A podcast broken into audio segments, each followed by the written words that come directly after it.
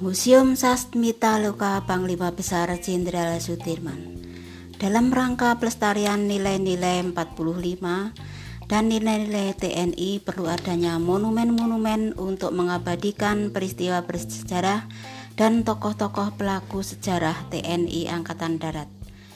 Guna mewujudkan hal tersebut di atas, Dinas Sejarah TNI Angkatan Darat telah lama mempunyai maksud untuk mengabadikan gedung bekas kediaman resmi Panglima Besar Jenderal Sudirman menjadi Sasmita Loka Panglima Besar Jenderal Sudirman.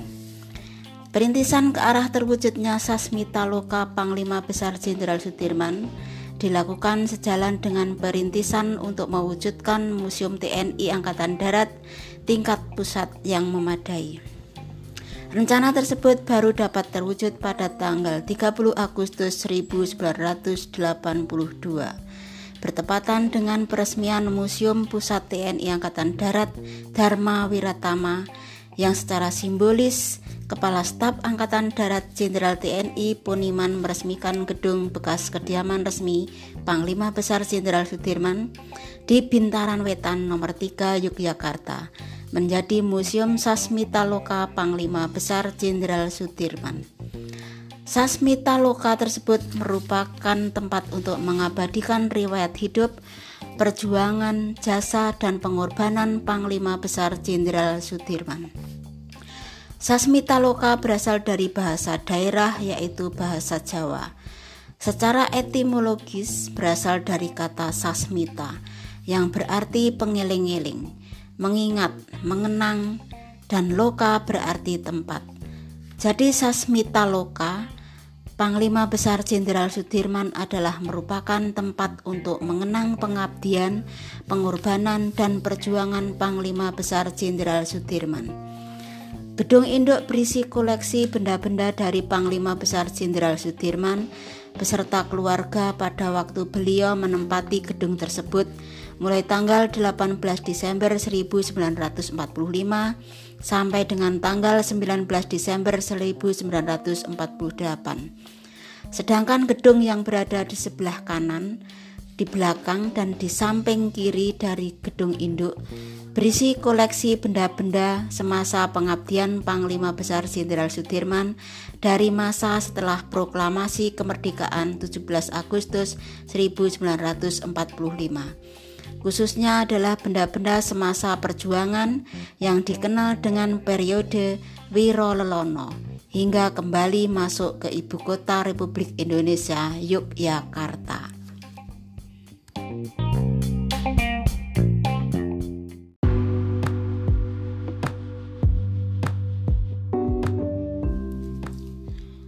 Panglima Besar Jenderal Sudirman, a podcast on answer by Anrin Yuniati.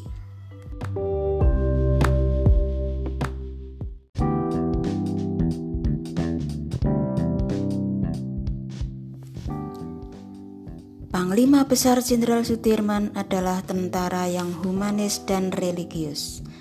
Beliau dilahirkan pada hari Senin Pon bulan Maulud tahun 1334 Hijriah atau tanggal 24 Januari 1916 di Dukuh Rembang, Desa Budas, Karangjati, Purbalingga. Dia lahir di rumah kediaman asisten Wedana atau camat Raden Cokro Sunaryo. Sejak masih dalam kandungan ibunya, Bayi tersebut telah disepakati menjadi anak dari camat Raden Cokro Sunaryo. Ayah dan ibu dari anak tersebut bernama Karsit Karto Wiroji. Sejak kecil Sudirman diasuh dan dididik oleh Raden Cokro Sunaryo.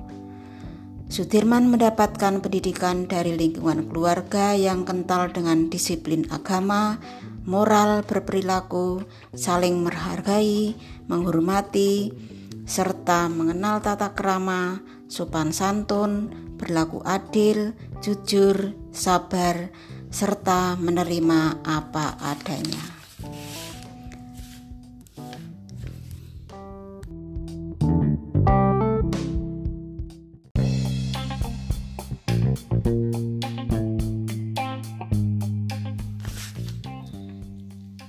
Pada tahun 1936, Sudirman memasuki lembaran baru dalam hidupnya. Ia menikah dengan gadis bernama Siti Alfiah, putri dari Raden Sastro Atmojo, seorang pedagang yang terpandang di daerah Plasen, Cilacap. Siti Alfiah adalah teman sekolah di perguruan Woworotomo. Sudirman sebagai siswa Mulo Wiworotomo, sedangkan Siti Alfiah duduk di tingkat HIS. Keduanya sama-sama aktif dalam organisasi pemuda Muhammadiyah. Dari perkawinan ini Tuhan memberikan karunia tujuh orang putra dan putri.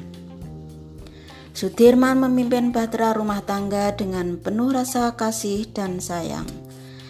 Kesederhanaan dan keharmonisannya juga tercermin dalam kehidupan rumah tangganya. Sebagai seorang ayah, pada waktu-waktu luang Sudirman menggunakan waktunya untuk santai bersama putra-putrinya dengan cara wajar dan tidak berlebih-lebihan. Perhatian dan kasih sayang Pak Dirman terhadap putra-putrinya sangat besar. Beliau sering menasihati putra-putrinya agar bersungguh-sungguh dalam mencari ilmu, agar kelak menjadi orang yang berguna bagi nusa, bangsa, dan negara. Inilah salah satu amanat beliau. Rungokno kandaku yongger, margo arep tak tinggal lungo. Kang prihatin nanging gembira ngupakara manusa lara. Raliya pujiku yongger, dadiya jalma utama biguna mring nusa lan bangsa supaya bisa tetep merdeka akhire wekasku yongger tetep teguh nggonira ngupaya kawruh kang luwih mulya kanthi dedasar agama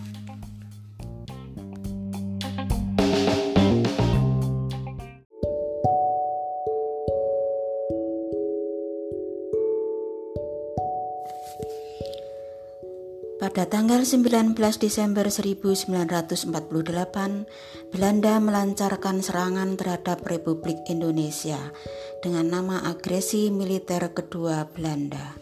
Menghadapi keadaan seperti ini, Pak Dirman yang sedang sakit karena sebelumnya telah menjalani operasi yang mengakibatkan sebuah paru-parunya tidak berfungsi lagi, tetap berangkat ke istana untuk menerima instruksi dari presiden. Presiden menasihatkan agar Panglima Besar kembali ke rumah karena masih sakit. Ketika Presiden mengajak untuk tinggal dalam kota, Panglima Besar menjawab dengan kata-kata demikian. Yang sakit adalah Sudirman. Panglima Besar tidak pernah sakit. Bagi saya yang paling penting adalah anak-anak buah saya. Tempat saya yang terbaik adalah di tengah-tengah anak buah saya tidak mau tinggal di dalam kota. Saya akan meneruskan perjuangan gerilya dengan sekuat tenaga dengan seluruh anak buah saya sampai titik darah yang terakhir.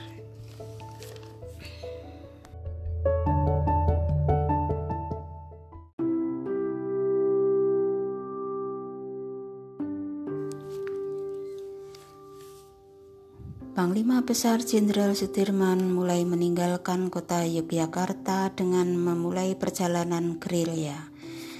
Waktu yang dibutuhkan kurang lebih tujuh bulan lamanya. Beliau masih dalam keadaan sakit, tetapi pedoman beliau yaitu mati bagi seorang prajurit merupakan suatu resiko. Kalau tidak mau menempuh resiko, jangan menjadi prajurit. Selama bergerilya, Panglima Besar tetap mengeluarkan perintah-perintah hariannya yang berisi juga amanat baik untuk angkatan perang maupun rakyat pada umumnya. Tempat-tempat gerilya yang pernah disinggahi oleh Panglima Besar Jenderal Sudirman di antaranya yaitu Kota Kediri, Wonosari, Pacitan. Selama perang gerilya, menunjukkan prestasi yang gemilang di berbagai daerah. Belanda merasa berat untuk menghadapi aksi gerilya pasukan TNI.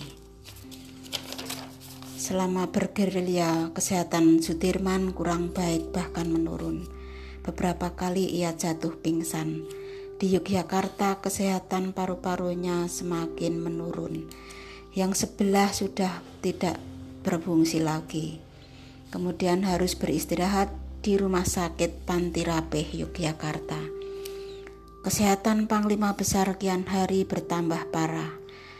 Pada siang hari tanggal 29 Januari 1950, Jenderal Sudirman, Panglima Besar Angkatan Republik Indonesia, berpulang ke Rahmatullah di pesanggeran militer Jalan Badaan Magelang. Jenazahnya dimakamkan esok harinya di Taman Makam Pahlawan Kusuma Negara, Yogyakarta. Sesuai dengan jasa dan pengabdiannya, oleh pemerintah diberikan penghargaan tertinggi berupa gelar pahlawan nasional. Tokoh prajurit TNI Sudirman memperoleh tempat terhormat di hati bangsanya. Dalam sejarah kehidupan TNI, ia tercatat sebagai bapak TNI sekaligus bapak bangsa.